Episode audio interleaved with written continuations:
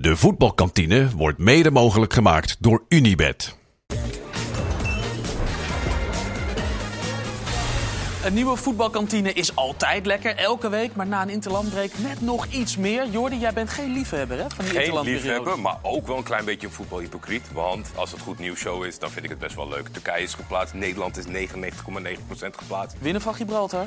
Moet nog wel even gebeuren, maar dat kan natuurlijk. Wij zijn wel van het claimen volgens mij. Zeker. Nou, met het succes van onze gast moet dat een makkie zijn, toch, Gibraltar? Deze man, hè, ja, de Tijani Reinders. Bij AZ zat hij natuurlijk. Zat in een eh, moeilijke periode. Nou ja, we had lang gewacht op die basisplaats. Eindelijk was hij er. Kwam hij bij ons en je ziet het. Een raket. Als een raket Als een gaat hij. raket. Hij doet het goed bij zijn club en heeft nu ook heel veel indruk gemaakt bij Oranje. Fantastisch om te zien. En bij AC Milan kijken ze dus ook de voetbalkantine. Je weet het. Heel goed.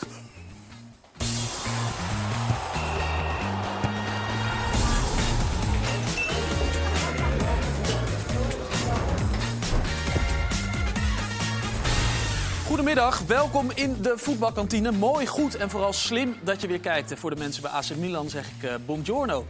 Goed, de kantine is uitstekend gevuld met eh, bijvoorbeeld Paul Kwasten, de vierde. Paul, dat klopt toch? Er zijn er eh, meer. Dat klopt, ja. Mijn vader en zijn vader en zijn vader, die heten precies hetzelfde.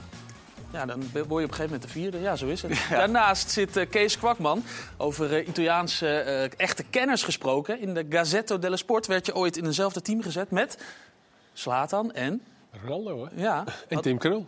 ja die had ik Dat dan is niet jammer eigenlijk, hè? Ja. Dat toch niet één Nederlander was. Maar ja, goed. Ja, en de andere gast aan de andere kant die nog eventjes alleen zit... daar komen we elke, elke uitzending eigenlijk meer over te weten. Want Anko Jansen, jij blijkt een slaapwandelaar te zijn, heb ik gelezen. Wie heeft je dat verteld? Ja, dat, daar kan ik geen eh, uitspraak over doen. Maar klopt dat of klopt dat niet? Ja, er waren op een gegeven moment weinig jongens meer te vinden die eh, voor wedstrijden nog bij mij op de kamer wouden slapen. Maar wandel je alleen of ga je op Nee, liggen of wat doe je? Gekke dingen, spoken. Spoken. spoken. Ja, gewoon Brabbelen? in één keer eh, de gordijnen lostrekken en eh, schreeuwen. En, Al slapend. ja, al slapen. Maar Oké. eh, mijn vrouw, Ja. die weet ervan. En die zegt dan altijd gewoon, Anko, gaan we lekker liggen. En dan was het altijd goed. Alleen ja, die jongens wisten nergens van. Die Die teamgenoten hadden zich eigenlijk gewoon een beetje lief en eh, supportive moeten opstellen. En dan was het allemaal goed gekomen. Ja, nou ja, die gasten schrokken zich dood. Moeten we al verklappen wie er straks komt? Ja, Of houden we dat nog even... eh, Of doen we als hij binnenkomt? Ja, als hij binnenkomt. Ja, dat is wel een mooi moment. Uiteraard is eh, Nick, onze barman, er natuurlijk ook. Die zorgt ervoor dat iedereen wat te drinken heeft. Als je wat wil, steek je hand op, dan eh, komt hij meteen naar je toe. En Max, de man die alle cijfers paraat heeft op, eh, op voetbalgebied. Ehm, Paul, je hebt met Tijani Reinders, onze kantine, oude kantinegast. Je ziet hoe snel het kan gaan. Ja. Heb jij gevoetbald, hè? Ja, met mij zal het niet meer zo snel gaan. Maar... Je weet het niet. Je weet het niet. De kracht van de kantine. Nee, klopt. Hij kwam toen eh, eh, ons versterken bij RKC, ja. Dus, eh, maar toen, ja, toen was hij... Je zag wel dat hij echt potentie had. Hij was heel, heel goed aan de bal, technisch vaardig. Maar toen was hij nog wel wat speels. En ja, hoe hij zich nu heeft ontwikkeld. Hoe die, eh, Wat die- speels, qua voetbal of qua gedrag? Of, eh, Beide. Oké. ja. Nee, maar hoe hij zich nu ontwikkelt, ja, eh, echt chapeau. Hij doet het echt fantastisch in het Nederlandse elftal. En laten we hopen. En natuurlijk bij AC Milan. Maar ik ben Dus- toch nog... Dat, wat speels? Heb je daar een voorbeeld van? Nou ja, hij kwam bij ons als, als jonge jongen natuurlijk. En ja, die jonge jongens zijn gewoon, gewoon wat speelser. eh, kunnen niet echt Nog niet helemaal volwassen in, het, in het seniorenvoetbal. Nee, nee, En ook eh, hè, in het veld eh, gewoon iets te lang aan de bal blijven, te veel pingelen, te veel eh, het mooi willen doen, zeg maar. Dus daarin eh, heeft hij wel echt stappen gemaakt, denk ik. Dat was wel heel kort, toch? Was volgens mij de corona-jaar, toch? Ja, half jaar, klopt. Ja, volgens mij, ja, volgens mij maar acht wedstrijden. Ja, Ja, maar hij, ging in maart eh, ging dat al... eh, hij speelde ook niet, eh, niet alles bij ons. Hij kwam ook op de bank terecht. Dus, eh, maar Ja. ja. van daaruit heeft hij het natuurlijk wel... eh, hè, kijk waar hij staat Hij heeft het aardig opgepakt. Ja. Kees, vanuit de zoektocht naar eh, goede middenvelders bij Oranje... ging bijna iedereen vol automatisch naar deze twee wedstrijden praten over Frenkie en Reinders. Maar is dat wel een complementair duo, of denk jij? Eh, ja, waarom niet?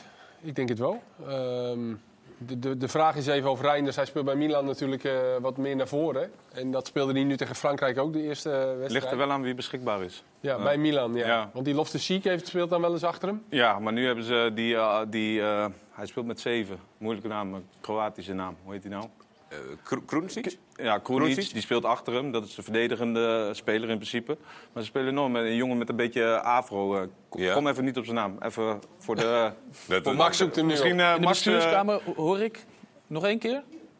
Atli. Juist, ja, die speelt nu. En als hij eh, als Atli speelt, dan speelt uh, Reinders ertussen. Maar in het begin speelde Reinders eigenlijk als tien. Hoe ziet het? Dus, dus de vraag is even ook hoe, je, hoe, hoe Koeman of hoe, hoe Reinders zich ontwikkelt, op welke positie. Ik denk, mijn gevoel zegt dat hij toch meer box-to-box speler is. Ook omdat zijn rendement niet altijd even hoog is. Ik weet niet of het echt een speler is die goals, veel goals en assists maakt. Tot nu Kan die, kan die zeker. Gaat die ook, ik denk dat het gaat doen. Ja, nou ja, dat, dat, dat moet nog. Kijk, dat is ook nog een ontwikkelpunt hè, en dat Ja. komt allemaal nog. Dus dat is even de vraag of hij dat dan. eh, want dat moet je natuurlijk wel hebben, ook als nummer 10 Die, vind ik. vari- die variant was wel opvallend, hè? Die corner variant. Die vier of vijf keer Ja. naar, uh, naar Rijn. Zelfs Ja, hem na vier keer door. eh, keer. Ja, ja, ja. Dus dat, eh, nee, dus, maar ik denk dat dat, eh, dat wel goed kan. En dat ligt ook wel een beetje aan de, aan de tegenstander. Maar Frenkie de Jong is onze beste controlerende middenvelder. Zowel voetballend als verdedigend. Dus Ja, maar dat zou je in potentie natuurlijk al wat jij zegt, dat dat rendement wel echt ontwikkeld moet worden. Of, want beide hebben dat niet echt van nature. Nee, maar goed, als hij als box-to-box speelt, dan is hij natuurlijk zoals hij nu een aantal keren tussen de linies al werd ingespeeld en meteen versnelde en doordraaide. Dat, als, als hij op die positie naast eh, Frenkie de Jong speelt, is dat natuurlijk fantastisch als iemand dat kan. Ja. En dan wordt er misschien net wat minder gevraagd eh, richting goals en assists. Als daar dan een andere nummer 10 staat die dat kan invullen op zijn manier. Of misschien speelt hij wel met aan de Reinders wat meer van rechts en iemand anders wat meer van links. Veerman misschien wel. Ja. Of als Frenkie de Jong wat meer centraal speelt. Dus ik denk dat hij best wel wat kant op kan met, eh met, Hij- met, met hij heeft nog een beetje pech gehad dit seizoen. Maar hij begon met de, in zijn eerste wedstrijd begon hij gelijk met een, eh, met een assist Ja, op, de- op, op, eh, op Giroud, ja. Maar daarna heeft hij een paar grote kansen gemist. En ja, hij, hij, ik, ik ben ervan overtuigd, ja, hij moet natuurlijk ook een beetje wennen. Maar hij haakt gelijk aan qua niveau. Hij komt ook uit Zwolle, hè, Anko? Ik zal even voor de mensen die denken, de wat, mensen, wat volgt ja, hij? hij kijkt eh, elke seconde Ja, van ik, de- eh, nee, ja, nou ja, maar een, Nederlander bij AC Milan is sowieso mooi. Hij komt ook nog eens eh, eh, uit Zwolle, hij komt uit de jeugd. Het is een heel mooi verhaal. bij jou uit de met- wijk. Ook dat, maar het is een prachtig verhaal. Die jongen is gewoon van Twente eh, een tussenjaar eh, naar de amateurs gegaan. Samen met Eliano, zijn broertje, gespeeld. Onder zijn vader als trainer. Ja, is toch bizar dat je dan nu bij AC Milan speelt en het zo goed doet.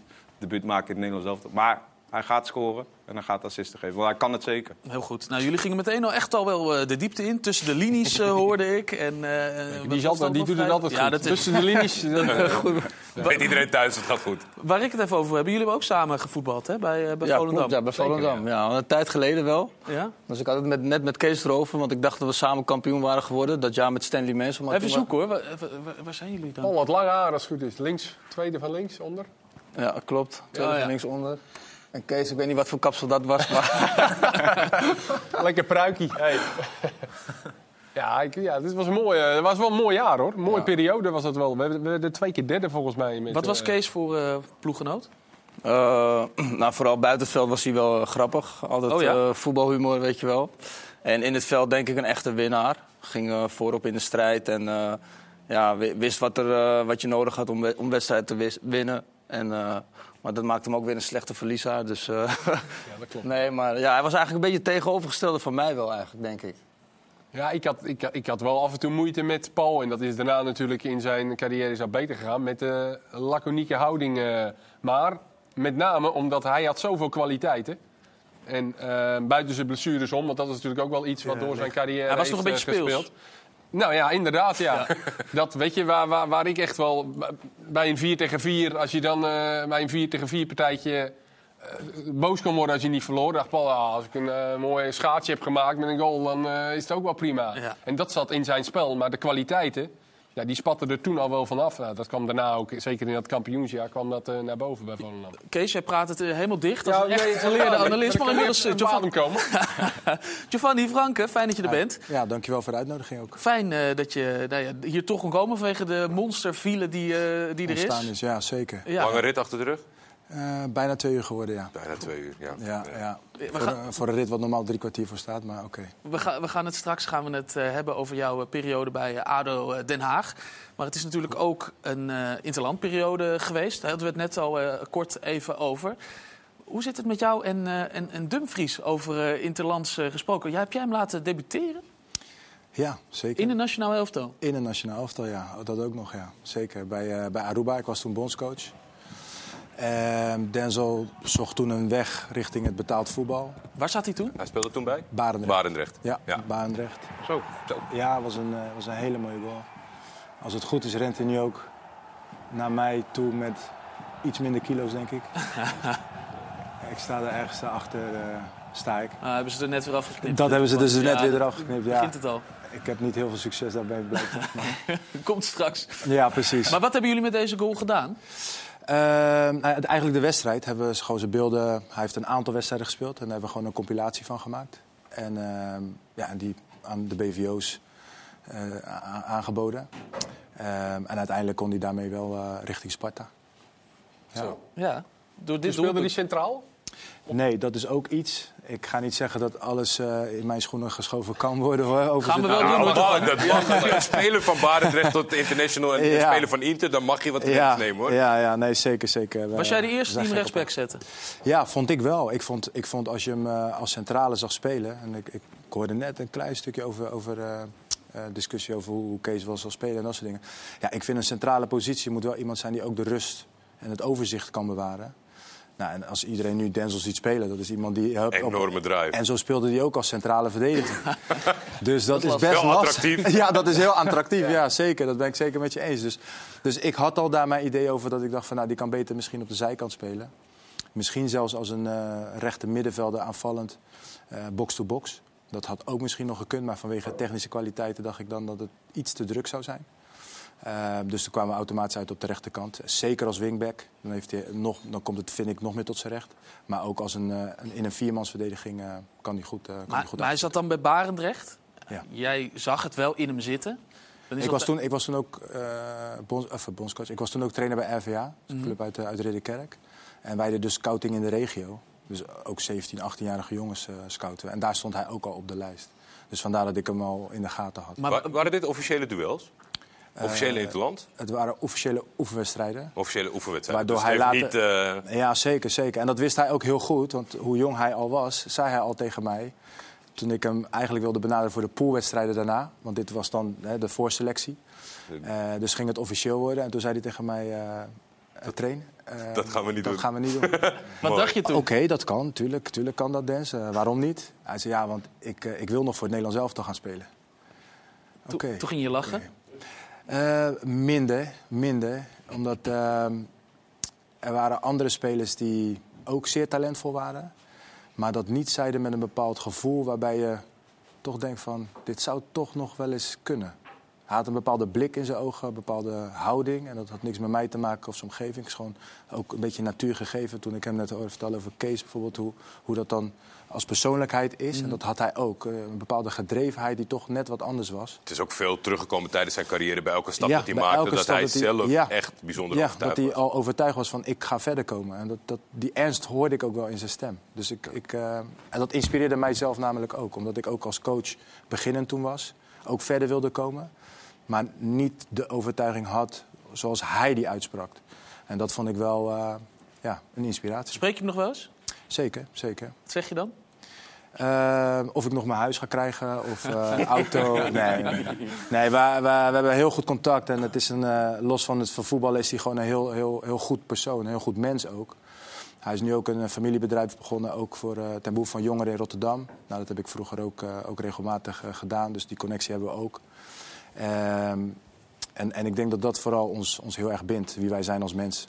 Ja. De, ja, de interlandbreek zit er dus op. En zal het, eh, dus zal het eh, aankomend weekend eh, vooral weer gaan over de Eredivisie, over topscorers. En gaat ook Koen Dille weer uit de mottenballen getrokken worden. Zijn index dan in ieder geval. En daar vreest Medi ook voor, in uitblinkers.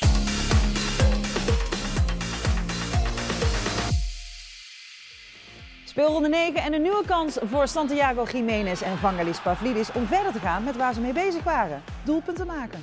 Yeah, it's really nice. Ik weet niet hoe het met jullie zit, maar ik word een beetje moe van die Koendille-index. Ik bedoel, dat was in 1957, toen er nog een veter in de bal zat. Daar weten ze in Griekenland en Mexico helemaal niks van, toch? A little bit, yes. Uh, they talk uh, to me about it. Ah, toch wel blijkbaar. Ehm, maar Leo, jij gaf toch al commentaar toen Dille speelde? Heel leuk, Maddie. Ha, ik, ik was één jaar oud, volgens mij. Eh, maar 43 keer scoren in één seizoen is natuurlijk fenomenaal. Toch nog even kijken naar dat seizoen. Ajax werd kampioen en PSV, de club van Dille, werd vijfde.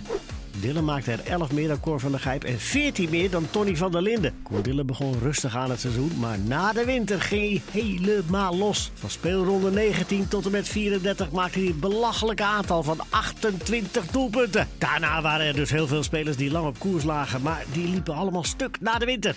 Henk Groot was het meest dichtbij. Dille passeerde hem pas in de laatste speelronde. Groot maakte er uiteindelijk 41. Recenter dacht Marco van Basten Dille te kraken. Maar San Marco bleef hangen op 37 en werd pas in speelronde 32 gepasseerd. Deze eeuw bleef Matthea Kesman het langst in het spoor. Maar de spits uit voormalig Joegoslavië moest zich in 2003 na speelronde 21 al gewonnen geven. Hij kwam uiteindelijk tot 35. Ik hoor het al allemaal hartstikke leuk, maar Koen Kanon blijft voor altijd in de boeken. Ik ben wel benieuwd hoe lang Santiago en Vangelis het dit seizoen volhouden. Of ben ik dan te pessimistisch? Wat vinden de mannen van de voetbalkantine ervan? Gaat het ze lukken? Nou, dat is een mooie vraag voor, eh, voor Anko, denk ik. Gaat het ze lukken, Pavlidis en eh Jiménez, om eh, in de buurt te komen van eh, Koen Kanon? Ehm, Jiménez eerder als Pavlidis, denk ik. Maar ehm, ja, als hij zo doorgaat en als hij ze zo cadeau blijft krijgen... dan, eh, dan wordt het natuurlijk ook wat makkelijker. Krijgt hij zijn cadeau? Ja, het is Nou, de afgelopen, de, afgelopen, de afgelopen keren waren het toch twee cadeautjes. Maar buiten dat, nee, ja, die jongen die heeft, eh, die heeft wel alle kwaliteiten om, eh, om dit seizoen wel zeker de 30 plus te gaan halen. Ja. 30 plus, dat is ook 43.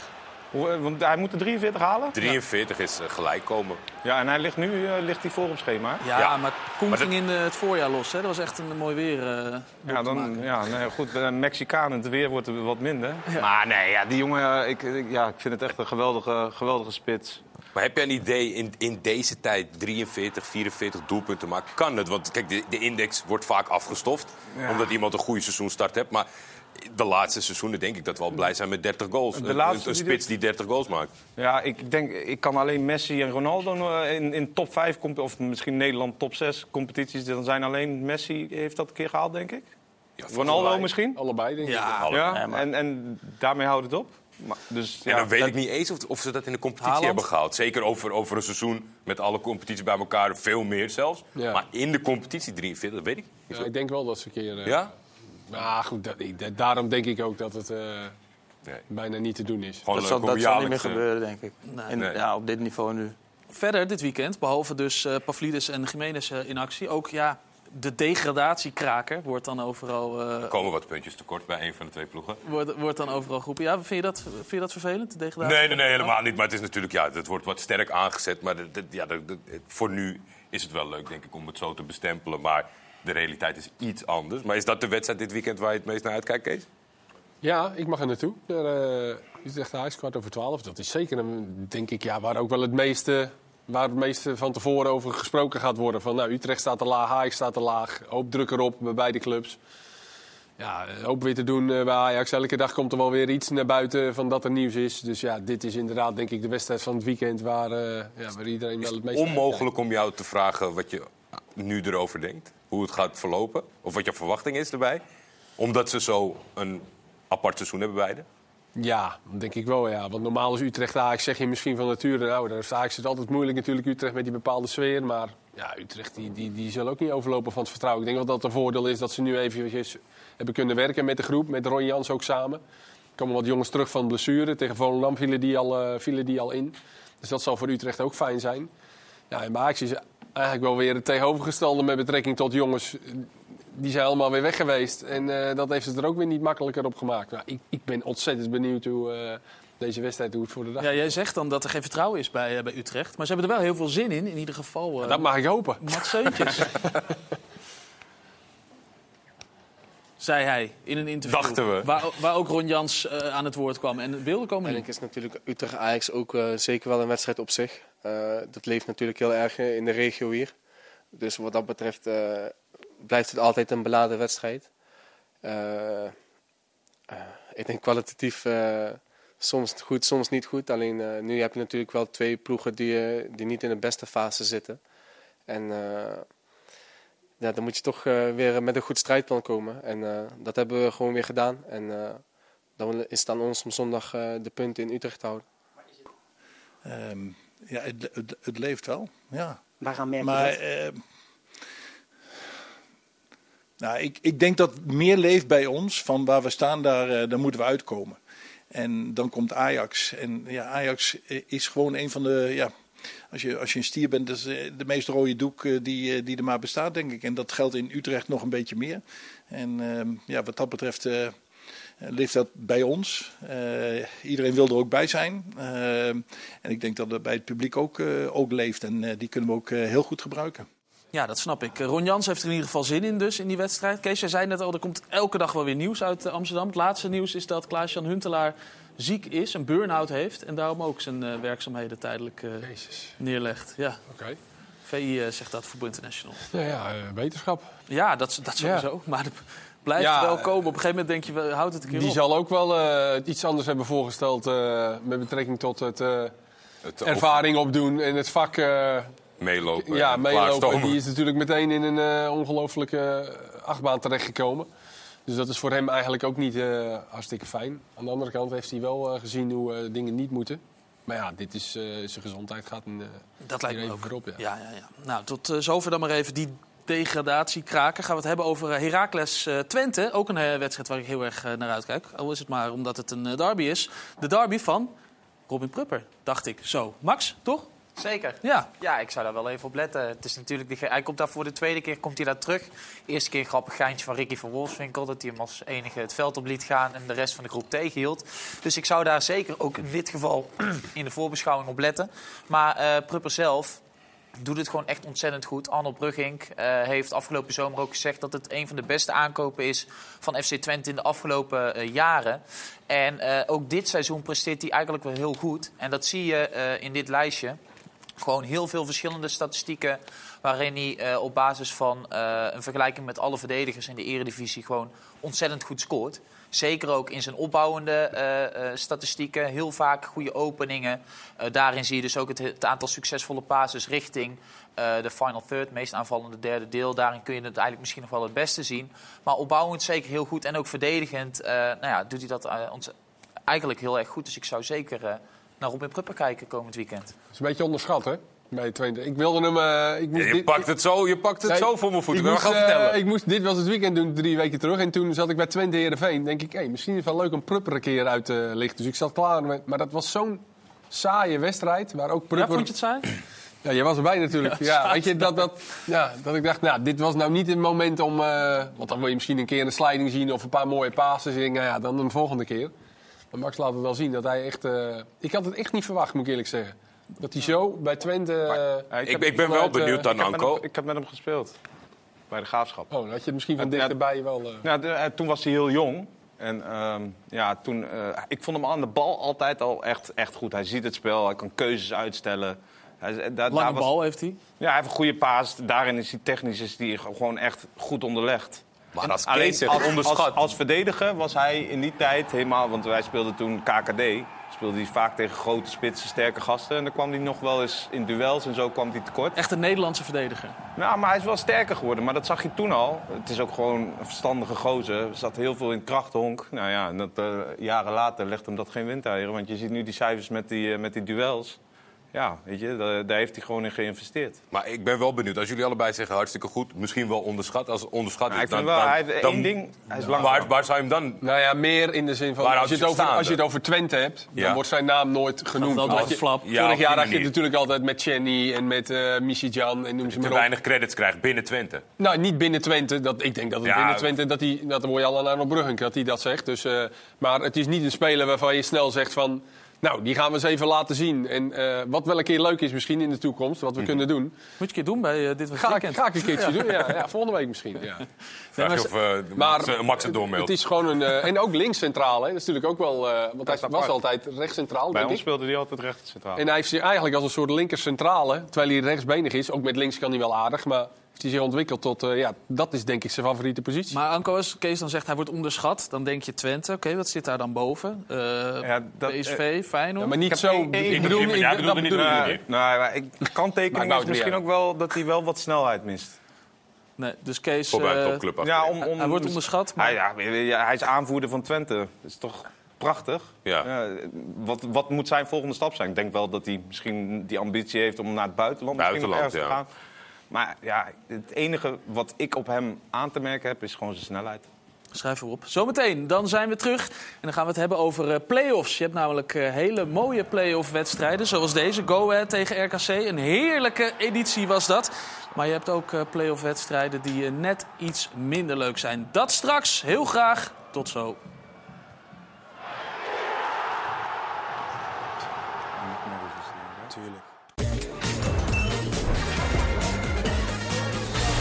Welkom terug in de voetbalkantine, waar het eh, gelukkig nog steeds eh, gezellig is. En eh, Kees en eh, Paul het eh, waarschijnlijk hebben over die ene wedstrijd op 28 mei 2019, Paul. Ja, ja, bizarre wedstrijd, ja. ja Denk je er nog wel eens aan terug? Eh, af en toe word je eraan herinnerd, ja. Nee, het was echt een, eh, ja, eh, echt een bizarre wedstrijd. Heel mooi trouwens. Eh, wat heel veel mensen ook niet weten is dat in de rust onze, onze dokter... eh, die, die viel opeens neer in de kleedkamer. Die kreeg een hart, hartaanval. Dus wij, wij startten die tweede helft heel slecht. En, en, en toen kwam Go Ahead Eagles ook op voorsprong. En eh, ja, wij geloofden er toen al heel, eigenlijk helemaal niet meer in. En eh, ja, tot eigenlijk het laatste moment dat eh, Stijn Spiering, Spierings hem erin schiet. En ja, dat was natuurlijk gewoon eh, ja, geweldig voor RKC. Ja, het was echt een bizarre wedstrijd. Je denkt er dus nog af en toe aan. Je wordt er af en toe aan herinnerd. En we gaan eens even kijken hoe dat eruit zag toen. Spierings, goed meegenomen. En daar wuift Hichler met eh, zeer stellige zekerheid alles weg. Krijgt hij toch nog iets anders te horen. Maar dat betekent wel dat de wedstrijd in de twaalfde minuut opengebroken kan worden. Keert het Hansson het fluitconcert? Nee. En dus heeft RKC een grote stap gezet richting de eredivisie. Dat is eh, niet zo best. Wat doet Spierings daarmee? Die profiteert daar maximaal van. Oi, oi, oi.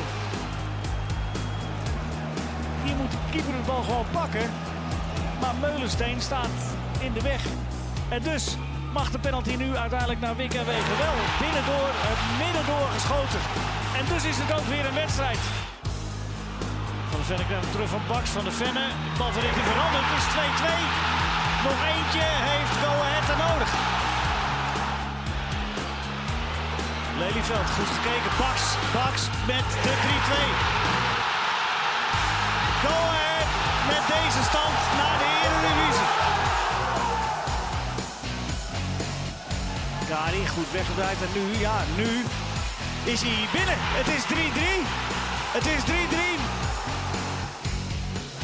Lange Dijk, Lange Dijk, Lange Dijk. Dat is een invalbeurt. Tahiri zet die bal nog een keer in. Pilate. Spiering schiet hem binnen.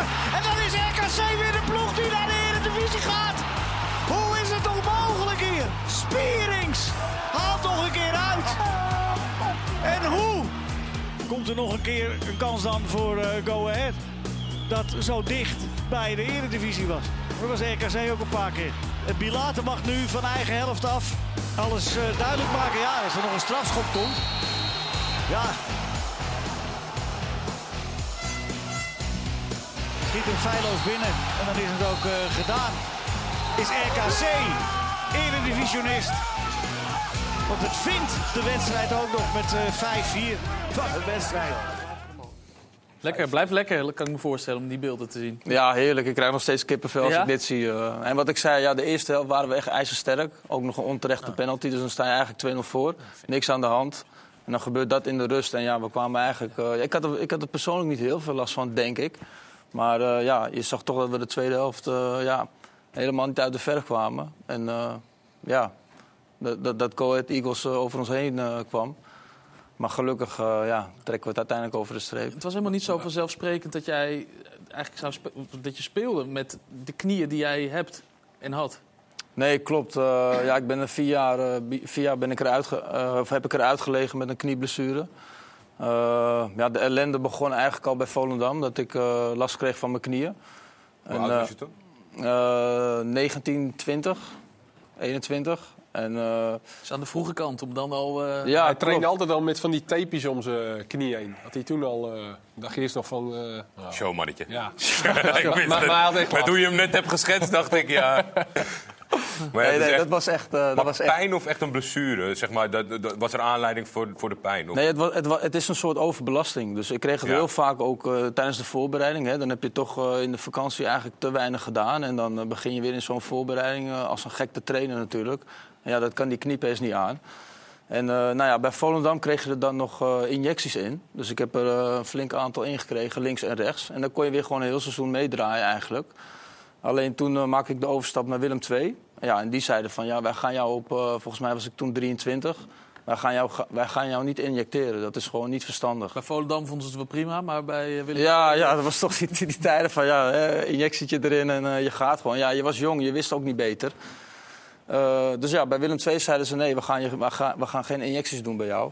En ja, toen begon eigenlijk nog meer de ellende, want toen liep mijn contract af. En eh, nou, toen werd ik geopereerd. En toen werd ik nog een keer geopereerd in Antwerpen. En eh, liep ik daar ook... eh, Dat was bij de fysio van, eh, via, de fysio van AC Milan, was dat? ja, klopt. Bij Lieve Maarschalk. Die zat ook bij, bij AC Milan, deed hij heel veel. Ja, was een van de betere fysio's bij, of van Europa. Alleen ja, na een jaar Antwerpen ja, kreeg ik weer de, weer de last eh, terug. Dus toen werd ik uiteindelijk in het Bergman Kliniek geopereerd bij Cor van der Hart. En nou ja, dan ben je al vier jaar verder. En nou, toen besloot ik eh, om, eh, om niet meteen het profvoetbal terug in te gaan. Maar ging ik bij zaterdag 1 van Ajax kon ik terecht. Dus kon, ik was wel blij dat ik kon voetballen. En dat was gewoon minder belastend. Want dan trainde je, trainde je twee, twee keer in de week, één, één keer een wedstrijd. En maar dat is zegt minder belastend. Dus je kon hem eigenlijk, na al deze dingen die je hebt gedaan... kon je hem nog steeds niet profvoetbal belasten, eigenlijk. Nee, eigenlijk niet. Nee, nee, nee. Ja, het is een hele ja, gecompliceerde blessure. Want ja, je, je moet hem belasten, maar, maar ook weer goed herstellen... voordat je hem weer, weer meer gaat belasten. Maar dan denk je op een gegeven moment toch van, nou ja, blijkbaar ben ik niet geschikt voor, eh, is mijn lichaam niet geschikt voor profvoetbal. Ja, ja, maar ja, ik, ik, eh, ik wilde per se weer, eh, weer, weer het profvoetbal in. En eh, ja, ik bleef gewoon doorgaan. En eh, hoe mentaal eh, zwaar het ook was... eh, ja, uiteindelijk, eh, hè, wat ik zeg via Ajax zaterdag 1... toch eh, bij Fred Grim terechtgekomen... die toen bij Almere City eh, trainer was. En daar heb ik toen eh, twee jaar getekend en uiteindelijk vier jaar gevoetbald. En toen door naar RKC en uiteindelijk nog in de Eredivisie terechtgekomen. He- Heb je een formule gevonden in die periode dat je pijnvrij kon spelen? Of heb je altijd met pijn gevoetbald? Ja, ik heb al die jaren speelde mijn knie parten. Dus ja, ik, ik moest er gewoon voor zorgen dat mijn bovenbenen, dat mijn benen echt sterk waren. Mijn rug, mijn core stability. Dus ik moest altijd eh, ja, een, uur voor de training zat ik al in het krachttonk om, eh, om alles eh, bij te houden. Eh, en soms ook te vergeefs, want dan kreeg ik er toch nog last van. Eh, en ja, dan, eh, ja, dat is wel lastig. Want dan, ja, dan nam je ook af en toe gewoon een, toch nog een injectie. Omdat het bij Volendam wel succes had. Eh, wat de club overigens toen niet wist bijvoorbeeld. Ja. Maar ja, je wilde gewoon... ten koste van, een injectie. Ja, ten koste van alles wilde je gewoon... zo- Ja, want toen, ook toen mijn contract afliep bij RKC... toen begon die, die knie weer op te spelen. Eh, ja, dus toen heb ik toch, eh, toch een stiekem inje- injectie genomen... om, eh, ja, om toch nog een jaar eh, verlengd te worden bij RKC. Uiteindelijk hebben ze me niet verlengd. Ondanks dat ik echt veel wedstrijden had gespeeld. Dus ja... Heb je, dan, is- heb je dan gedurende je hele carrière zo'n beetje een parallel stemmetje... wat denkt van, als die knieën nou gewoon normaal waren geweest... waar had Paul Kwast dan gestaan? Ja, die, die, die vraag hoor ik, hoor ik ook vaker. Ja, wat als? Ja, dat, dat, is, eh, dat weet je niet. Dat weet je niet. Dat moet je aan, aan anderen ook overlaten. Wat als? Maar denk je daar niet vaak over na? Zou ik de hele dag over nadenken? Van, ja, dat was... Nou, dan heb je een mooi leven hij voor de rest. eh, Ja, ja, ja. Dan kan ik eh, een paar psychologen opzoeken. Nee, kijk het naar zijn kwaliteiten had hij, had hij absoluut eh, veel hoger kunnen. Ja, we hebben hier... Kijk, Oh ja, deze, ja. ja hij was technisch, was Paul echt, echt uitstekend. Was echt, eh, en hij had goede snelheid. Ik weet niet of hij, wat nou de positie uiteindelijk was geworden. eh, Of, of je niet wat hoger op het veld misschien had. Daar heb je altijd een beetje tussen bij Volendam, linksbuiten, linksback. Als wingback had hij denk ik dat zijn beste positie geweest. Maar dat was toen in die tijd eh, helemaal nog niet echt... eh, maar door die blessures is hij natuurlijk, heeft hij enorm veel ingeleverd. Maar kijkend naar de kwaliteiten die hij had, snelheid, techniek... die vanuit de, de Ajax-school natuurlijk meegekregen, dat zag je gelijk al. Ehm, ja, had, en linkspoot, eh, linksback, waren er niet veel van. Ja, had hij, had hij absoluut meer kunnen bereiken. Ik, wil- Ah. ik wil je niet de put in praten. nee, Het is meer is een compliment. Nee, mooi woord, mooi woord. Dank je. Anko, je hebt ook veel blessures gehad. Was jij Nou ook ja, altijd bezig is- met core echt- stability? Nee, en, eh, nee, helemaal niet. Maar dit is een heel, heel opvallend eh, verhaal. Want ja, dat heb ik, ik heb het er nooit zo over gehad. Maar eh, ik was ook afgekeurd op mijn 27e. En toen heb ik een second opinion bij Cor van der Hart gehad. En hij heeft toen tegen mij gezegd... jij stopt niet. En ik kreeg ook eh, standaard injecties in mijn knie. En ik heb het op mijn 33ste gered. Dus hij heeft toch nog voor ons nog een aantal jaar eh, voetballen. Maar herken je dan veel in wat, wat, wat Paul vertelt? In, Ja, in maar de pijntjes? Bij mij de- is de laatste jaren is het verschrikkelijk geweest. Het is alleen maar eh diclofenac, eh de, eh, vocht in mijn knie, slapen met een kussen tussen mijn knieën. Nee, ik, ik, ben, ik ben ook blij dat ik gestopt ben, want ik was er op een gegeven moment zat van. Dat, eh, het kostte me meer dan dat het me nog plezier opleverde. Giovanni, als je een speler in je selectie hebt die zo hier mee ziet rommelen, ben jij dan van nou, hij is toch wel een hele goede speler, laten we nog iets zoeken? Of dat je, dat zou je eerder adviseren van nou, gezondheid, die knie heb je nog veel langer nodig? Nee, zou- ik denk dat de intrinsieke motivatie van een speler bepalend is in zulke gesprekken. Althans, zeker bij mij als trainer. Ehm, zij moeten het kunnen opbrengen, zeker mentaal. En dat moet in een sfeer of in een harmonie gebeuren met de rest van de groep die daar ook zich mee instemmen. Want als je een speler hebt die vaker geblesseerd is dan dat hij kan spelen, ehm, heeft dat ook een bepaalde dynamiek in een groepproces. Ja. Ehm, dus daar moet je dan wel zeker rekening mee houden. Kijk, is het een speler die zeer gewaardeerd wordt en ook daarbuiten van heel veel waarde is, bijvoorbeeld voor jonge spelers, dan kan je zeggen, nou we verlengen hem omdat hij heel Als je heel goed bent of altijd Of presteert, heel dan kom je goed met in- een boel weg. Ja, dus als de momenten dat hij speelt, kan hij ook heel bepalend voor je zijn. Hè, met doelpunten. Of nou ja, in dit geval eh, als, als bijvoorbeeld centrale verdediger, dat hij, dat hij, als hij speelt, dan zie je gewoon de meerwaarde ervan af. Ja, dat zijn wel de opties die je overweegt als trainer om dan met hem in gesprek te gaan. Maar dan nog is het wel bepalend of de motivatie bij de speler zelf, nou, net als wat Anko net zegt, dat moet er wel, dat moet er wel zijn. Ja. Dat moet er wel Het is wel zijn. begrijpelijk dat het op een gegeven moment dat je er helemaal klaar Nee, maar bent. die- die motivatie, natuurlijk, je wil altijd blijven voetballen. Maar bij mij is mijn niveau ook echt wel naar beneden gegaan door die, eh, door die blessures. Ja, dan houdt het op een gegeven moment houdt het gewoon op. Ja. Maar ik speelde bij Emmen. En ik trainde gewoon op maandag en dinsdag trainde ik niet, omdat mijn knie nog dik was. Ja. Maar ja, bij Emmen werd dat geaccepteerd, omdat ik in het weekend eh, een van de betere was. Ja, zo simpel is het. Ja, je moet net een trainer hebben. Hè. Ik had gelukkig Fred Grim, die, die, die kwam naar RKC toe. Die kende mijn historie, dus die gaf mij ook de vrijheid om af en toe gewoon eh, eh, ja, binnen te blijven, weet je wel. Ja. Om niet door te gaan. Maar ja, je hebt gewoon continu heb je die angst van eigenlijk elke dag. Ik weet niet hoe het bij jou zat, maar elke dag word je wakker en dan, hè, dan voel je die knie weer. En dan denk je, oh, hij voelt, hij voelt goed. Oké, dan was je blij. Ja. Maar ja, dan, je liep je de trap af en dan voelde je een steek. En dan er dacht je, hoeft oh nee. er, zal maar iets te gebeuren en dan eh, was Het eh, ja. Ging, je, ging je kijken of het wel echt klopte dat je niks voelde, toch? Net Ja, zo, ja, ja, eigenlijk net ja, zo lang tot net je... zo lang tot je Ja, wel pijn krijgt. Ja, echt dat soort dingen. Dat Je is, was gewoon continu met die knie bezig. Dat, ja. En uiteindelijk was dat eigenlijk voor mij ook doorslaggevend om gewoon eh En te heb je dat nu stoppen met voetbal. Dat je, met die, dat je de hele dag die knie voelt of kijkt? Of, eh, Eh, nou ja, nu, ik voetbal nu op een stuk lager niveau bij eh, Ajax zaterdag 3 om, om een beetje fit te blijven. En toevallig heb ik nu ook last van die linkerknie weer. Dus eh, ja, dan ben je dat. Maar... Injectie, hey. nee, nee, nee, nu andere injecties. Nee, nee, hoor, nee, nee, nee. Alleen in het weekend. Maar Ja. Paul, we zagen net trouwens bij RKC, je zei fijne tijd gehad, Fred Grim. We zagen ook Etienne Fase, was keeper toen nog, bij, of, of toen ook, Ja, ja, ja, net klopt. zoals nu. Ehm jij spreekt hem nog steeds heel vaak, hè? Ja, klopt. Ja, ik, ben, eh, ik ben heel goed met Etienne eh, geweest, al die jaren. En eh, nog steeds heel goed bevriend. Maar het gaat nu gelukkig, gelukkig weer beter. Dat wilde ik vragen, ja. Hoe, hoe is het met hem? Ja, ja het, gaat, het gaat weer beter met hem. Hij is nog niet helemaal eh, 100% Eh, hij is nu ook een paar dagen met zijn met zijn vrouw of met zijn vriendin en, eh, en kindje een paar, een paar dagen weg geweest om zijn hoofd helemaal leeg te, te maken. Nou, dat is bij hem niet zo moeilijk. nee, dat is, is een geweldige gast hoor. Maar, eh, nee, maar het, eh, ja, hij is gewoon een geweldige jongen en eh knettergek. En, eh, maar ik, ik, denk, ik denk dat hij er weer bovenop komt. Hij heeft, eh, hij heeft sinds kort ook geen last meer echt van hoofdpijn. Dus hij mag weer een beetje fietsen. Ja. Dus ik hoop dat hij snel weer onder die lat staat.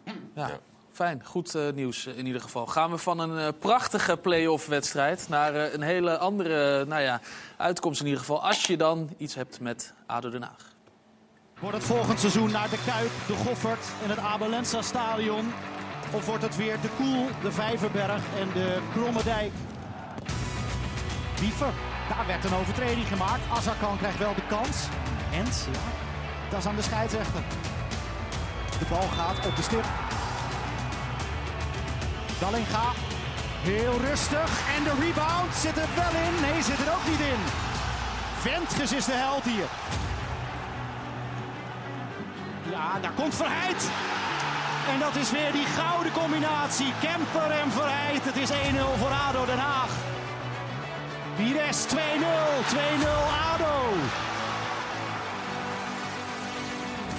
En Kishna die toch nog doorcombineert. Werd vastgehouden, maar scoort. Dat is een hele snelle 3-0. Assante maakt hij wel opzettelijk hands. En gaat zijn tweede gele kaart krijgen. Dat einde wedstrijd. Azar kan. Azar kan. En die zit er wel in. Voor Excelsior. Het is 3-1. Volgende kans voor Excelsior in de maak. Niemeyer. Van richting veranderd. En nu zit hij er wel in. Ja, rood. Zo is het. Voor 10 tegen 10. Nog altijd jagen op de 3-3. Daar is hij. De 3-3 in de derde minuut van de extra tijd. En moeten er eerst eh, heel veel mensen het veld af. Mensen die daar nu echt niets te zoeken hebben. En wie blijft in deze verlenging het rustigst? Wie houdt het hoofd uiteindelijk koel? Geen duwtje was dat. Mag van de scheidsrechter en dan komt er een kans voor Abo en de goal!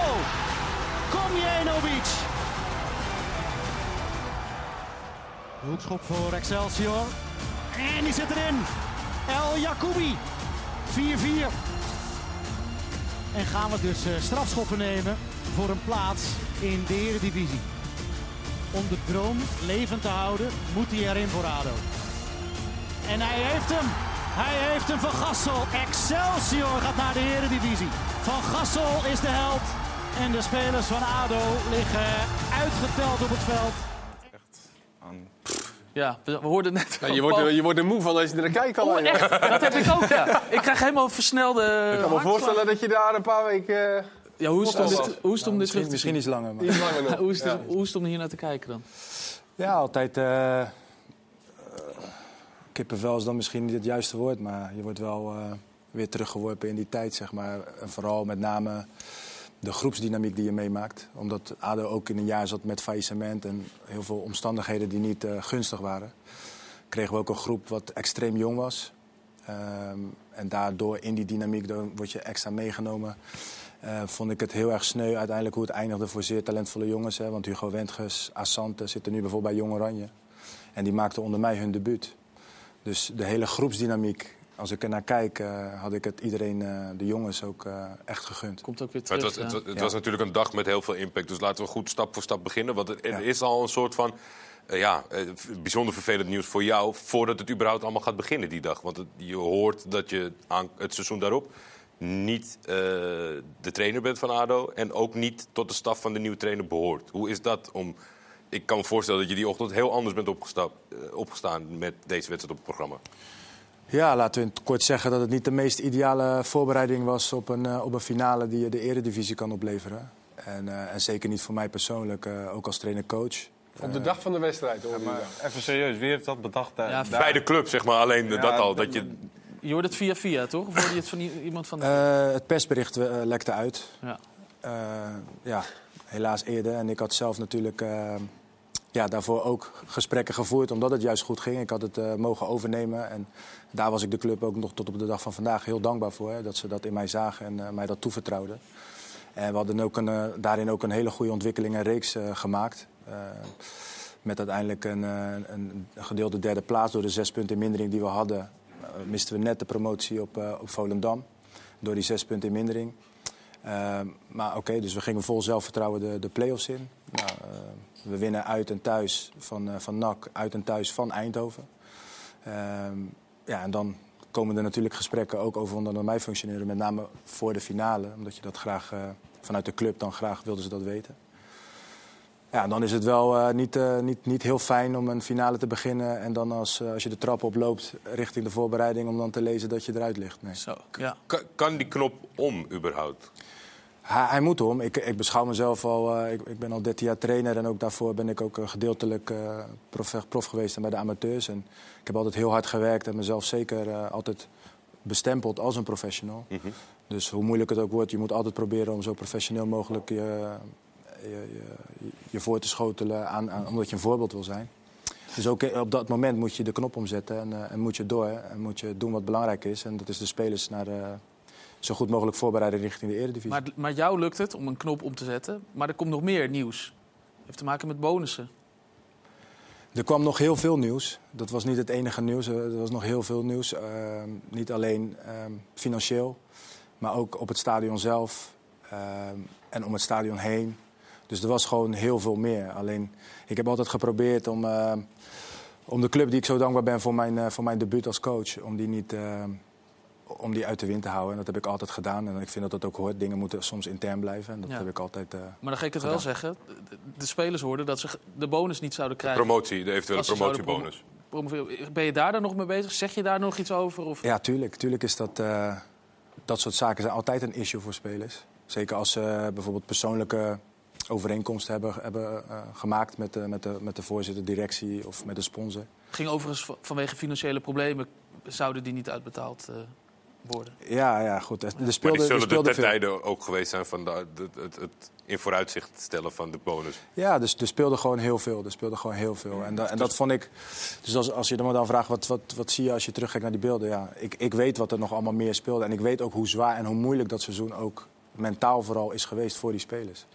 Ehm, Ik ben benieuwd, Ke- Kees, dus, eh, is dat dan voor een speler om dat hij er helemaal geen zin meer heeft? Of dat, is dat echt impactvol? Nee, op- maar onbewust is dat wel iets wat in je, in je achterhoofd zit dan natuurlijk. Alleen, ja, je kan eigenlijk niet zeggen dat ze ermee zaten. Want ze begonnen fantastisch aan de wedstrijd, eh, de spelers. Dus dat is Het wel- wordt 3-0. Ja, dus dat is wel weer het gekke. Als je nou zegt van, nou ja, het begin was heel slecht en, en Mm. het was lam, lamlendig en 3-0 achter. Dan kan je misschien zeggen, nou, die problemen. Maar eigenlijk hadden ze het fantastisch gedaan door dat allemaal weg te zetten.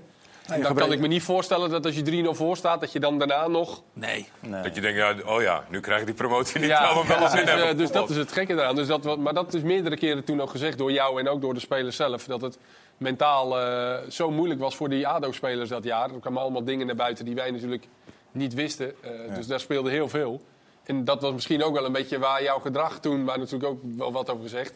Misschien ook wel een beetje vandaan kwam natuurlijk. Dus dat zoveel opgekropte woede misschien ook wel. En, en- en- eh, teleurstelling. specifiek, kijk, het zijn natuurlijk twee onderdelen. Ik weet niet welke situatie je specifiek Ja, ook bedoelt. naar ik, heb, ik heb wel een bepaalde manier van coachen. Dat heb ik altijd gehad. Ik ben, Ja, er was ben- wat met het publiek toch ook een beetje waar je op reageerde. Dat het ook Ja, misschien wel zeker, voor jou. zeker. Je had natuurlijk een teleurstelling gehoord van tevoren. Ja, dat dat Ja. ook wel in je hoofd Nou ja, zat. dat, dat moment had niks te maken met, eh, Met de wedstrijd. met de wedstrijd zelf. Kijk, eh, we, we waren al gestaakt in, in eerste instantie, omdat de mensen al het veld opkwamen natuurlijk. Ehm, dus we gingen naar binnen. Nou, daarna kwamen we weer buiten en binnen vijf minuten stonden er weer mensen eh, al, op het veld. En dan noem ik het nog supporters mensen. Maar dat zijn geen mensen die eh, eh, aan de appelsap zitten en een zak chips. Dus die stonden wel, wel op het veld. En dat werd wel in het eerste instantie niet dreigend, laat ik het zo zeggen. Maar op het moment dat je 3-1, 3-2 en vervolgens valt de 3-3... en gelukkig lieten jullie net al een stuk zien wat er toen gebeurde na, net na de 3-3. Ja, en dat was een situatie die volledig nieuw was voor mij. Dat, dat, ehm, dat de supporters eh, toegang hadden tot ons als trainers. En dat maakte de situatie, nou hier zie je het al. En dit was gewoon dus aan mijn kant, dus niet aan de kant van Excelsior, maar mijn kant. En onze eigen supporters die dan ook frustratie wilden uiten over het feit dat het van 3-0 naar 3-3 ging. Wat ik dan ook enigszins nog probeer te begrijpen. Maar ja, omdat ze toegang hadden tot mij persoonlijk, dus ook fysiek. En ik heb eh, ja, iets, situaties meegemaakt daar die ik nog nooit eerder mee geconfronteerd werd. Maar wij hebben, het, wij hebben het niet over uh, kuttrainen. Je zegt fysiek, en, maar ook in Ja, woord omdat, omdat, ze, zwaar. omdat ze stonden nog dichterbij dan dat jij nu bij mij staat. Ja. Konden ze bij mij komen. Dus Ja. je, je praat over afstand van 10 centimeter. En met supporters die niet water hebben gedronken. En, en ook niet daar heel netjes tegen mij zeggen dat ik het iets beter had Maar moeten ben je doen. uitgescholden? Ben je ge- geslagen, aangeraakt? Eh, ja, zeker. zeker eh, dat we gingen wel heftig aan toe, ja. Maar dat was bij die brug daar, daarachter. Daar kwamen Ja. ze, daar Ja, kwamen ze ja. door. Ja, ik, Ja. ik, ik, ik, ik, ik wilde wel wat over zeggen. Want ik vond hem echt een hele interessante trainer, een jonge trainer. Die daar de kans kreeg. En het, wat je zei, met alle moeilijkheden die er bij ADO waren... vond ik dat je het echt fantastisch deed. Want ADO is echt veel beter gaan voetballen onder jou. En eh, in die, in, in, in die play-offs eh, met die wedstrijd, ja, weet je, eh, bevlogen. Ik hou ervan. Ik vind Simeone, Mourinho en zo vind ik ook mooi. Ik, ik weet niet of ik het mee mag vergelijken, maar ja, ik vind het wel wat hebben. Maar ik heb na deze wedstrijd heb ik een beetje het gevoel dat je afgefakkeld bent geworden door je emotie. Ja, en dat vind ik zonde, want ik denk dat je wel kwaliteit hebt. Ja, dankjewel. Waardeer ik ook heel erg. Waardeer ik ook heel erg. Het- Maar misschien heb ik het mis. Kees, wat, wat- Nee, ja. vind, je, vind je dat er... eh, Nee, da- ik heb het alleen over dat momentje met die supporters. Ja, niet wil ik- over jouw manier van Nee, coach nee. of zo. Dat maar ik dat momentje, dat momentje wil ik ook wel verder op ingaan. Omdat dat moment is ook eh, onderzocht door de KNVB. Eh, als zijnde, waarom doet hij dat? Waar, waar, waar komt die reactie vandaan? En natuurlijk, als trainer moet ik het voorbeeld geven. Dus zou ik het nog een keer doen? Nee. Ja, maar ja, er speelde dus zoveel. Dat, Ja. Er komt er natuurlijk emotie. Ja. Dat bedoel ik ook te zeggen. Zeker weten, want het was natuurlijk een bedreigende situatie. Mijn kinderen waren ook, eh, die zaten recht achter mij bij, op de eretribune. En, en de situatie eh, escaleerde ook al, dus dat is net wat jullie ook zagen. Ehm, maar ook in het onderzoek daarna ehm, heeft de KNVB mij daarin ook vrijgesproken. En mijn gedrag gerechtvaardigd. Ja, dat komt omdat je bespuugd bent, racistisch bejegend. Ja, zeker. Ja, ja. En vanuit daar heeft de KNVB gezegd dan... Nou, dan hebben we dat onderzocht. dit? En, en de- Nou, niet alleen vanwege dat. Hè. Laat ik ervoor opstellen dat... Nou, dit is het, ook het item eh, die ze naar buiten hebben gebracht. Naar aanleiding van het onderzoek. Ja. Ehm, wat veel mensen gemist hebben. Hè. Dus ik heb dat ook bewust eh, toen niet te veel op gereageerd. Want als je verliest, dan alles wat je doet is dan slecht. Hè. Een dag daarvoor ben je Simeone, een succesvolle ADO-trainer. En een dag later, omdat je verliest, is het, is het klaar. Dat is voetbal en dat snap ik ook als mijn functie als trainer. Alleen wat mensen heel veel gemist hebben, is dat ik ben vrijgesproken vanwege de omstandigheden die er op het veld waren. En waarin ik zeker 64 minuten lang, want de KNVB heeft dat heel grondig onderzocht, waarvoor nog steeds mijn dank.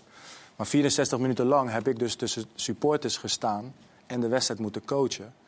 ehm, die, eh, die, die mij hinderden in mijn werk. Nou, zou ik dat nog een keer doen? Zou ik deze emotionele uitbarsting nog een keer doen? Nee, tuurlijk niet. Ik had waarschijnlijk iets heel anders gedaan. Want ik heb met veel mensen natuurlijk hierover heel kritisch naar mezelf gekeken. Van oké, wat had ik anders kunnen doen? En dan kom je tot de conclusie dat je eigenlijk naar binnen had moeten gaan. Ehm, Maar dat waren de supporters van de ADO. van ADO, ja. ja. Want wij gaan van 3-0 naar 3-3. Dus ik snap hun frustratie ook, dat die het veld opkomen om een verhaal te halen. Giovanni, je, je legt het heel goed uit en, en, en, en keurig netjes, zeg maar. Maar ik, ik heb wel het idee, ook gezien de uitbarsting... en dat je in het gelijk bent gesteld... dat we het wel over een iets andere categorie hebben. En ik ben ook benieuwd, Anko, wat, waar jij net op aanhakt.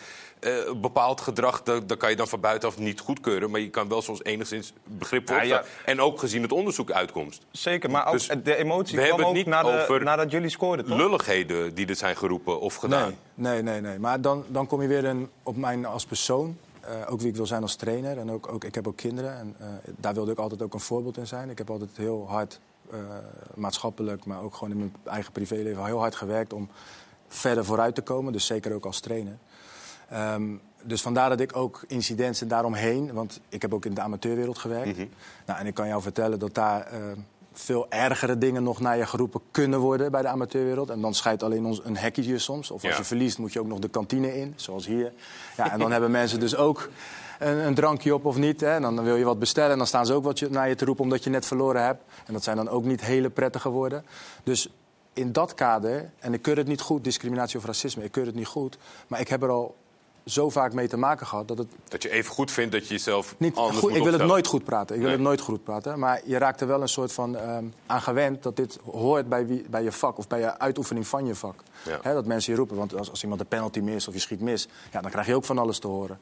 En ik wilde dat altijd zien als een verlengstuk van de frustratie van supporters naar mijn functioneren.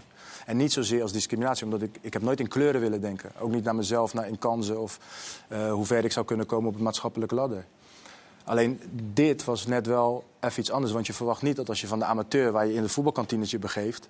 en je gaat naar het betaalde voetbal, waarin het veel veiliger zou moeten zijn. en, en veel beter georganiseerd.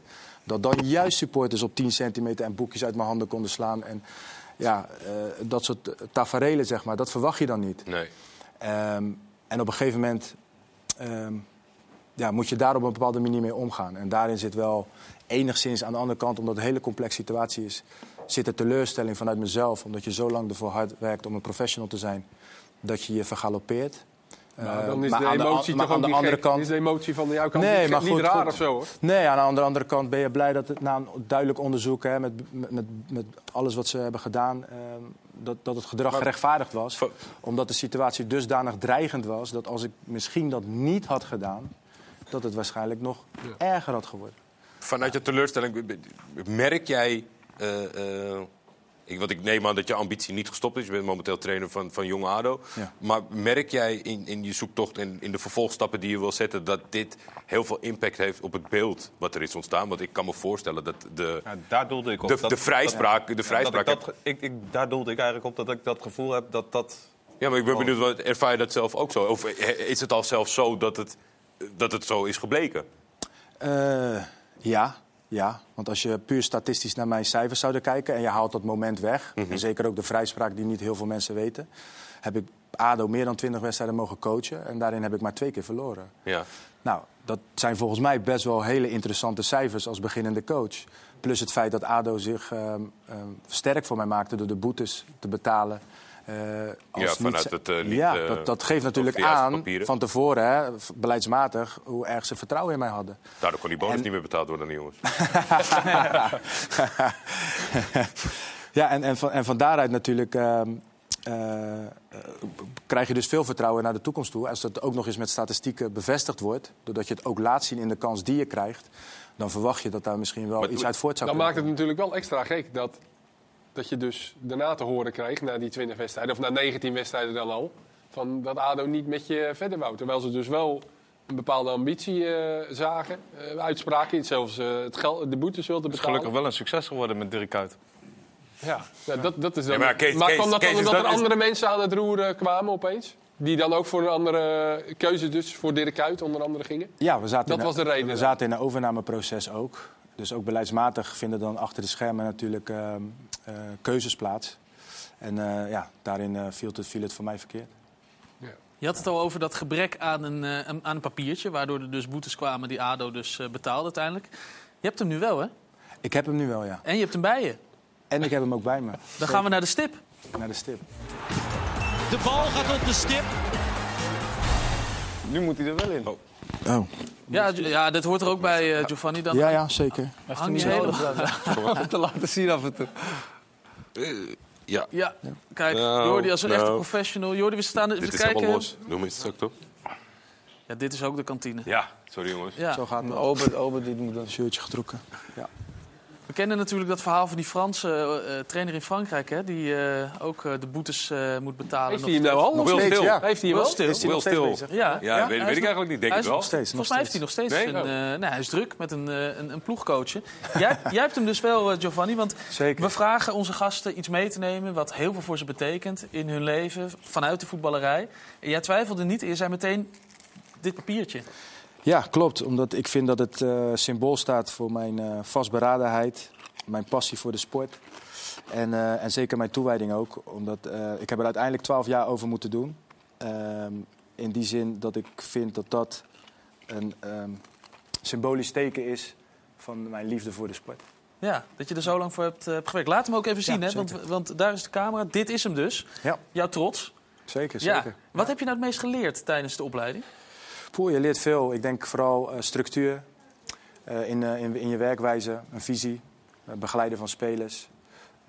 En zeker niet te onderschatten de, de, de kracht van de media en het netwerk daaromheen van bepalende stakeholders. Dus denk aan grote sponsoren, eigenaren, een wisseling van beleid. Wat heel bepalend kan zijn voor jou als speler, maar ook voor mij als trainer. Iets waar je nogal mee te maken hebt gehad. Heb te maken heb gehad, ja. Dus nee, het is, het is zeker het moeite waard. Ja, en de- je hebt dus eigenlijk geleerd waarvan je nu zegt... Van, ja, dat, daar baal ik van dat dat is gebeurd.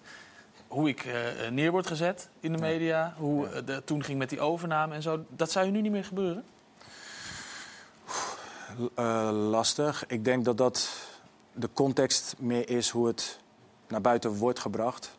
Ehm, omdat men niet wist dat ik vrijgesproken werd een aantal weken later, waardoor het voortraject bleef hangen. Dus iedereen, en ik snap dat ook als je de beelden ziet, heeft een oordeel over hoe ik reageerde. En nogmaals, ik had dat waarschijnlijk ook niet zo moeten doen en ik zou dat waarschijnlijk ook niet zo nog een keer doen. Alleen het feit dat je vrijgesproken wordt, eh, verandert natuurlijk wel het oordeel wat iemand al eerder gegeven heeft over mij, wat bepalend kan zijn voor mijn toekomst. Hebben ze er op de opleiding in je klas, of hoe dat dan gaat... worden er wel eens grapjes gemaakt over eh, de Simeone? eh, maak je niet zo druk, ga je weer, eh, ga je weer los? Ja, grapjes zeker, ja. Ja? Grapjes, tuurlijk, ja, zeker, zeker. Ik, ik ben zelf ook van het grapjes maken en sarcastisch kunnen zijn, dus... En wat doe je dan? Nou ja, goed, met mijn kinderen vooral. Als mijn vader, of mijn vader, als mijn zoon thuis komt, die, die wil nog wel eens schijntjes uithalen. Dan, dan wil hij nog wel eens wat naar me roepen. En dan eh, zegt hij, ja, niet, eh, niet gaan springen en eh, niet naar me toe komen. Ja. Dus dat is altijd wel leuk, ja. Dat is zeker goed. Ja, Ja. Je, je bent nu trainer. Wij vinden allemaal dat je eigenlijk onterecht bekend staat als die druktemaker, die mafkees. Ik hoorde dat je hier te gast was. Ik zei, dat is toch die druktemaker van ADO Den Haag? Ja. Ik zie nu aan je hoe rustig je bent en hoe rustig je kan zijn. Ja. Wat ben je voor trainer? Inmiddels. Behalve dat, dat je dus een stuk rustiger bent dan mensen denken. Maar wat, wat is je visie? Zeker, zeker. Ik- Daar wil ik nog wel op inhaken als je het niet heel erg vindt. Nee hoor. Dat is ook het, het dubbele eigenlijk hè, in, in het hele verhaal. Omdat je je op een bepaalde manier, zeker als persoon, eh, neerzet. Ehm, dat dat uitgerekend op het moment suprem van je hele carrière, waar je zo hard voor gewerkt hebt, dat dat dan juist tegenovergesteld is hoe je uiteindelijk te boek komt te staan. En om daarmee geconfronteerd te worden, dat, dat, dat raakt me echt in de kern.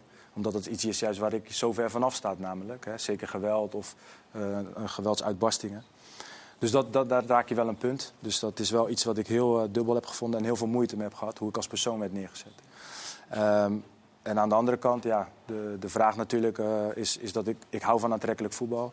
Ik ben hem zeer dankbaar voor de, voor de mooie woorden. Want dat is wel iets wat ik wilde laten zien. Dat ik aantoonbaar een positieve invloed kan hebben op een, op een groep. Op een Anko heeft daar kijk op. Ja. dat geloof ik ook wel. En, eh, en we speelden ook gewoon eh, heel goed en mooi voetbal. En ik hou ook van jonge spelers en het ontwikkelen ervan. Ik heb, in dat jaar ben ik recordhouder met eh, debutanten die door zijn gebroken bij ADO Den Haag. Ook het transfer van Bremen is naar Basel gegaan uiteindelijk. Ja, en daar hou ik van, de combi- combinatievoetbal met een hoge press. En vooral entertainment ook, eh, ook voor het publiek. Want uiteindelijk zijn dat de mensen die voetbal overeind houden. Ehm, dus je moet ze wel wat voor kunnen schotelen, vind ik. En nu bij Jong ADO, of bij, bij ADO onder? Eh, 21 heet dat dan. Of jong, hè? ja, jong Ajax, jong Oh, Feyenoord, jong ADO. Ja, Ja, ja dat gaat ook goed. Ja, zeker. Ik mag, niet, eh, ik mag niet klagen. Ik heb ook altijd moeten presteren, laat ik dat ook zeggen, om er doorheen te komen. Dus ehm, daar kwam ook mijn zelfvertrouwen uit. Als ik elk jaar zag dat het niet goed ging met mijn ploeg, dus op een gegeven moment zou ik in de spiegel zeggen... Gio, misschien moeten we toch even net wat anders gaan doen. Ehm, maar de successen met de jaren heen, of de, de, de, de, promoties of de prijzen die je pakt met je teams... Ja, die geven je op een gegeven moment zelfvertrouwen om er daadwerkelijk ook serieus voor te gaan. Dus we zijn klaar met die beelden. Van die promotiewedstrijd. Ik, ik vind van wel. Ik vind van wel. Ik, vind van, ik hoop dat de mensen me ook daarin in een, eh, zien als alle jaren waar ik hard voor gewerkt heb. En niet in dat ene moment. Dus nooit meer de Simeone van Den Haag. Eh, de Simeone van Den Haag vond ik niet erg. Alleen als ze me maar niet associëren met dat beeld. Leg hem op de stip. Dit is, jouw, eh, dit is jouw diploma. Dank dat je meenam en fijn dat je het met ons eh, wilde delen. Ja, zeker. Graag gedaan. Bedankt ook voor de uitnodiging. De bal gaat op de stip. Anko, het is natuurlijk eh, af en toe in Nederland ook een beetje Zuid-Europees aan het worden qua trainerscarousel. Maar jij bent wel duidelijk in je advies naar clubs die binnenkort zoekende zijn.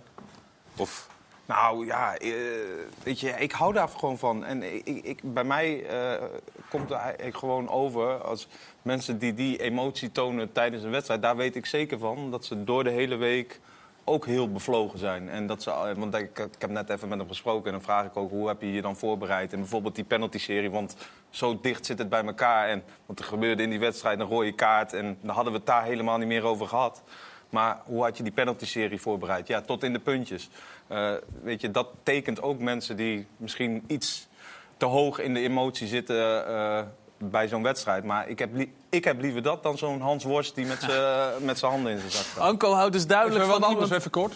Misschien dat het aan mij ligt, hè, maar waarom zitten er maar drie ballen in bij Kevin van Veen? Wacht nou toch even wat ik ga zeggen, Kees, Kees. man, je- Ongelooflijk. Ja, jongens, wat duurt dat nou lang? Anko. Die jongen is in paniek, die moet zo voetballen. Die, die ziet dat hij je bal tekort komt. komt helemaal goed. nou. Ik ga nog een keer mijn zin beginnen. Anko houdt dus van mensen die een beetje emotie tonen op het veld. Dat zou je ook kunnen zeggen van Kevin van Veen. Daar gaan we het zo over hebben. Dan gaan de ballen in de pijp. Dat dus heel graag tot zo. Moet toch dat draaiboek eens lezen. Nou, het lijkt al alsof je het draaiboek hebt gelezen. Man, man, man.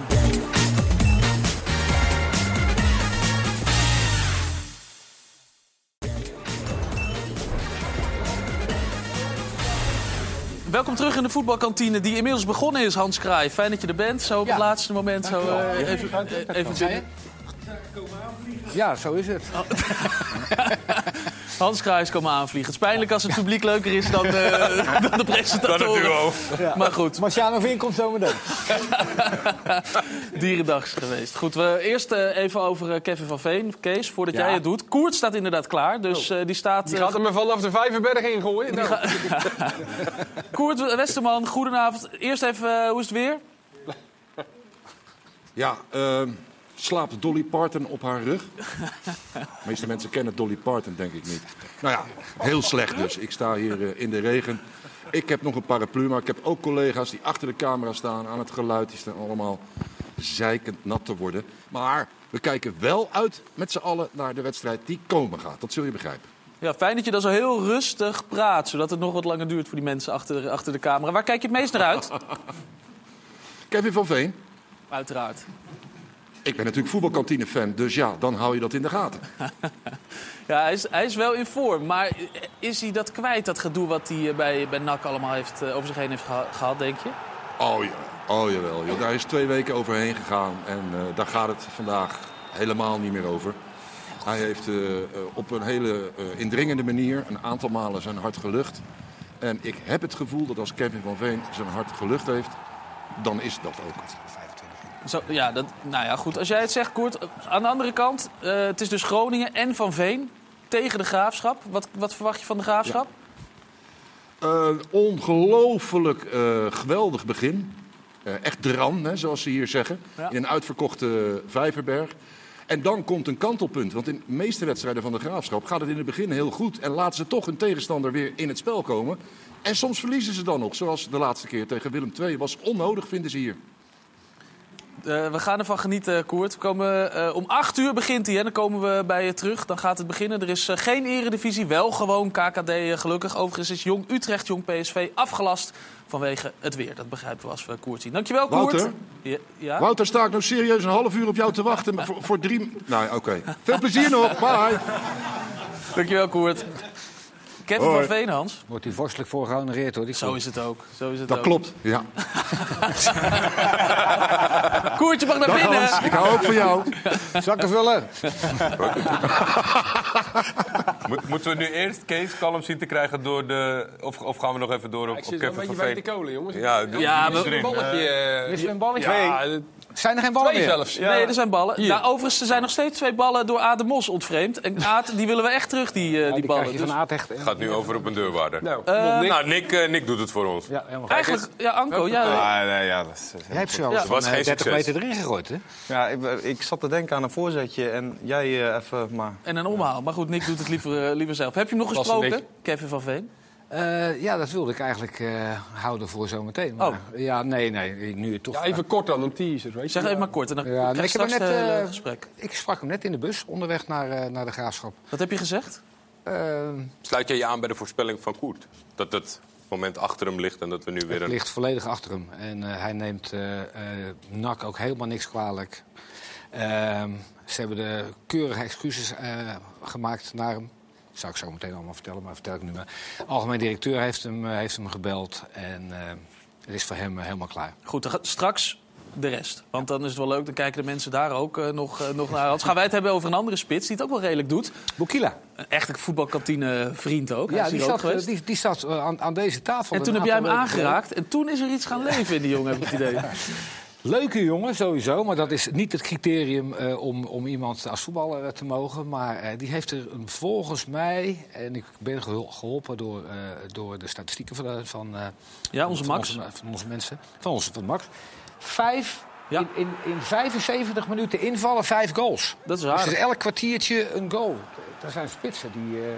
Jij, jij als expert, Hans, wanneer is het kantelmoment voor de basisplaats? Of is dit de perfecte rol? Ja, ik heb de indruk dat hij eh, in, in 30 minuten. En eh, er zitten hier eh, twee gediplomeerde trainers aan, de, aan tafel.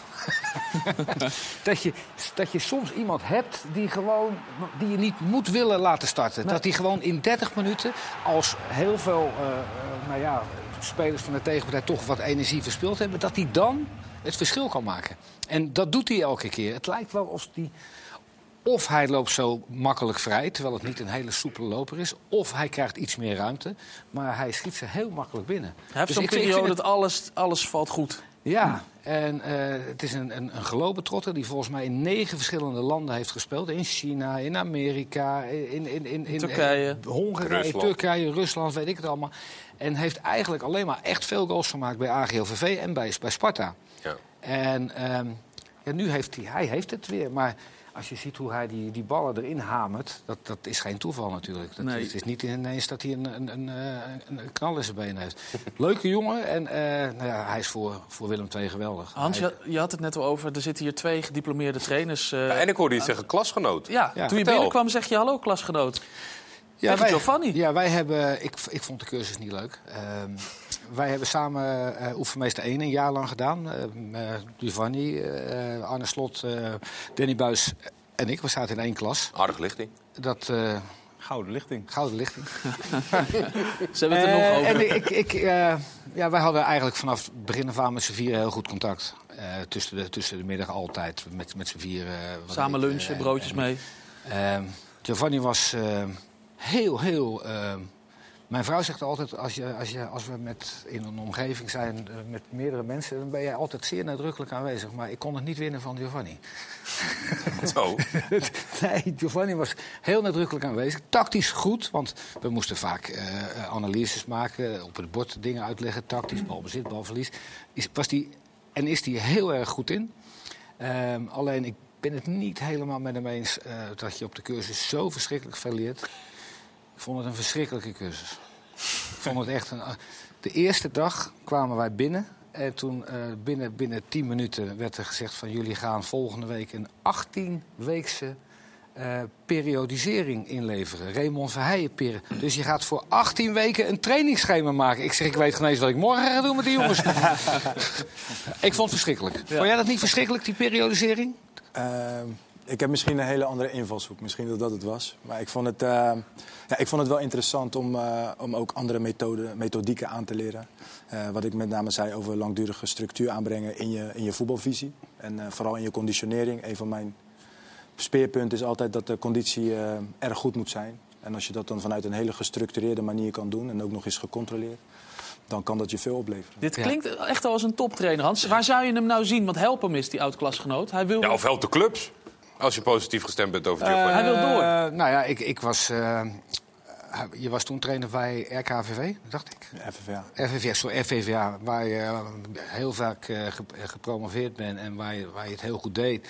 Maar hij wil En- door. En eh, hij, hij wil door en hij kan ook door. Hij, hij kan ook door. En, Noem eens een club. En, eh, ja, noem eens een club. Maar hij gaat wel het betaald voetbal in. En vandaag wat hij hier, wat hij hier eh, doet. Pek, hoor ik net Pek. Jij wilt Johnny Jansen? Ah, waar is Johnny Jansen? Welke kamer? Welke camera? Johnny, kijk uit. Zit er in je stoelpoot? Nee, ehm, hij gaat het eh, betaalde voetbal in. En eh, wie ben ik om ehm, te zeggen van dat het mooi is zoals hij vandaag zichzelf kan eh, profileren en manifesteren. Dat hij gewoon uit kan praten hier en, en dat hij alles eventjes naast zich neer kan leggen. Wie ben ik om dat te zeggen dat dat gewoon goed is? Misschien net dat hele kleine scherpe randje eraf. En dat is er waarschijnlijk eh, al af. Ehm, dan is hij eh, een absolute in potentie. Hele, hele goede trainer in betaald voetbal. Mooie woorden. Structureel in het betaald voetbal. Mo- mooie woorden, Hans. Dankjewel. Dankjewel dat Oh, je er was. was? Jij gaat het tweede deel van je visagie in. Wij gaan door met eh, voorspellen van de Eredivisie. We hebben nog twee minuten. Hij durft wel. Hij durft wel. Paul, Giovanni, we gaan...